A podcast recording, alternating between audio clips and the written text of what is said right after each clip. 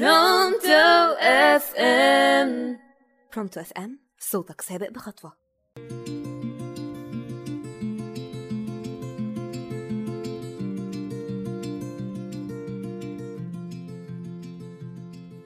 إزيكم حبايبي عاملين إيه؟ وحشتوني جدا جدا. معاكم نوران الهلالي وجت سليمة الجزء التاني. فاكرين فيلم همام في أمستردام؟ أما همام كان بياكل في توسكانيني مع حبيبته وسألها هو إيه ده؟ قالت له دي شوربة ضفاديع. تقريبا دي كانت أكتر حاجة غريبة هو دقها. لا وكانت أكتر حاجة غريبة إحنا سمعنا عنها وقتها أصلا. وكتير مننا ممكن يدوق أكل أو بالخصوص لحمة وما يبقاش عارف أصلها ويستغرب قوي طعمها. بس مع كل ده أعتقد إن عمرنا ما جربنا أكلة غريبة وسألنا هي إيه اللحمة دي؟ يقولك أصل ده كتف بني آدم أصل دي رجل إنسان أصل ده خد واحد أو أي حاجة من المنطلق ده. إيه عرفتوا؟ طب تعرفوا إن حوار أكل لحوم البشر ده حقيقي؟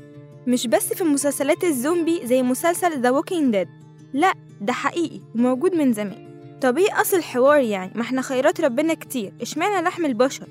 بيقولوا إن في حالات كتير للموضوع ده زي إيه؟ زي المجاعات حصار المدن المبالغة في إيذاء العدو يعني إن المنتصر ياكل لحم المهزوم أو اعتقاد إن أكل لحم الميت بينقل قدراته ليهم أو طقس ديني أو طقس من طقوس الدفن بيقولوا إن الأثريين لقوا أواني طهي عمرها نص مليون سنة في الصين وكان جواها عظام بشرية.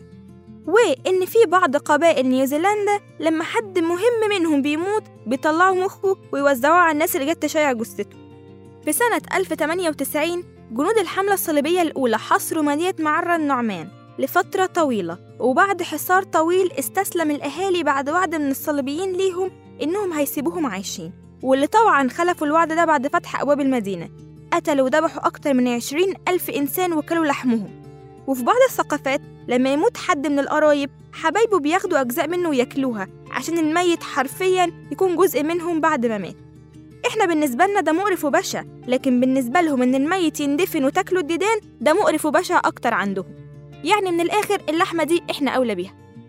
وطبعا مش هنفتح موضوع زي ده وما نذكرش أبشع مجاعة تعرضت لها مصر سنة 1065 ميلادية واللي كانت من أصعب الفترات اللي عاشها المصريين ووثقها المؤرخين تحت مسمى الشدة المستنصرية.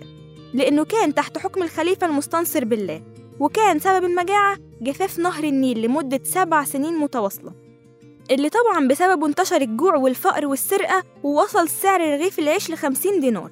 باع الخليفة كل ما يملك من ملابس وأسلحة ومجوهرات حتى الرخام اللي كان على مقابر عيلته باعهم عشان يقدر ياكل وهو واللي معاه. أهله سابوا البلد وراحوا بغداد. الناس الطيبة تحولت لمفترسة بيدوروا على الأكل مهما كلف الوضع. أكلوا ورق الشجر أكلوا الحيوانات أكلوا كل ما تتخيلوا لكنهم في الآخر وصلوا لأكل لحوم البشر. كانوا بيطلعوا الميتين يطبخوهم وياكلوهم. كانوا بيقعدوا فوق البيوت بحبال وخطاطيف عشان يصطادوا الناس في الشارع. كان أي حد ماشي ممكن ياخدوه ياكلوه.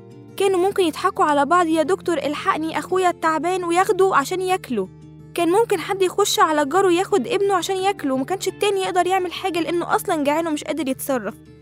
ومن شدة جوعهم في مرة كان الوزير ماشي وساب البغلة بتاعته وساب معاه حارس. ولما طلع ما لقاش البغلة بتاعته لقى ناس سرقوها وأكلوها. ولما مسكهم وأعدمهم جثثهم اختفت. الناس خدت الجثث برضه عشان تاكلها من كتر الجوع. خلصت الشدة دي بعد سبع سنين لكنها أخدت تلت الشعب معاها وساب اسم المستنصر بالله ذكرى وعلامة وحشة في التاريخ لحد دلوقتي. الكل بيحلف ببشاعتها. إحنا لو قعدنا نحكي من هنا الأسبوع مش هيكفي كل جرائم قتل وأكل لحوم البشر المنتشرة في كل العالم. ما بين سفاحين أو مأجورين أو منتقمين أو حتى مستمتعين بالموضوع. عشان كده أنا هسيبكم أنتوا بقى تعرفوا وتقولوا لي تعرفوا إيه عن الموضوع ده؟ وتفتكروا مين من اللي حواليكم بيحبوا أكل البشر؟ أنا بقى كنوران هقتبس مقولة زازو من كرتون الأسد الملك. لا أنا لحمي مر ويقرف يع. كانت معاكم نوران الهلالي وجت سليمة. سلام.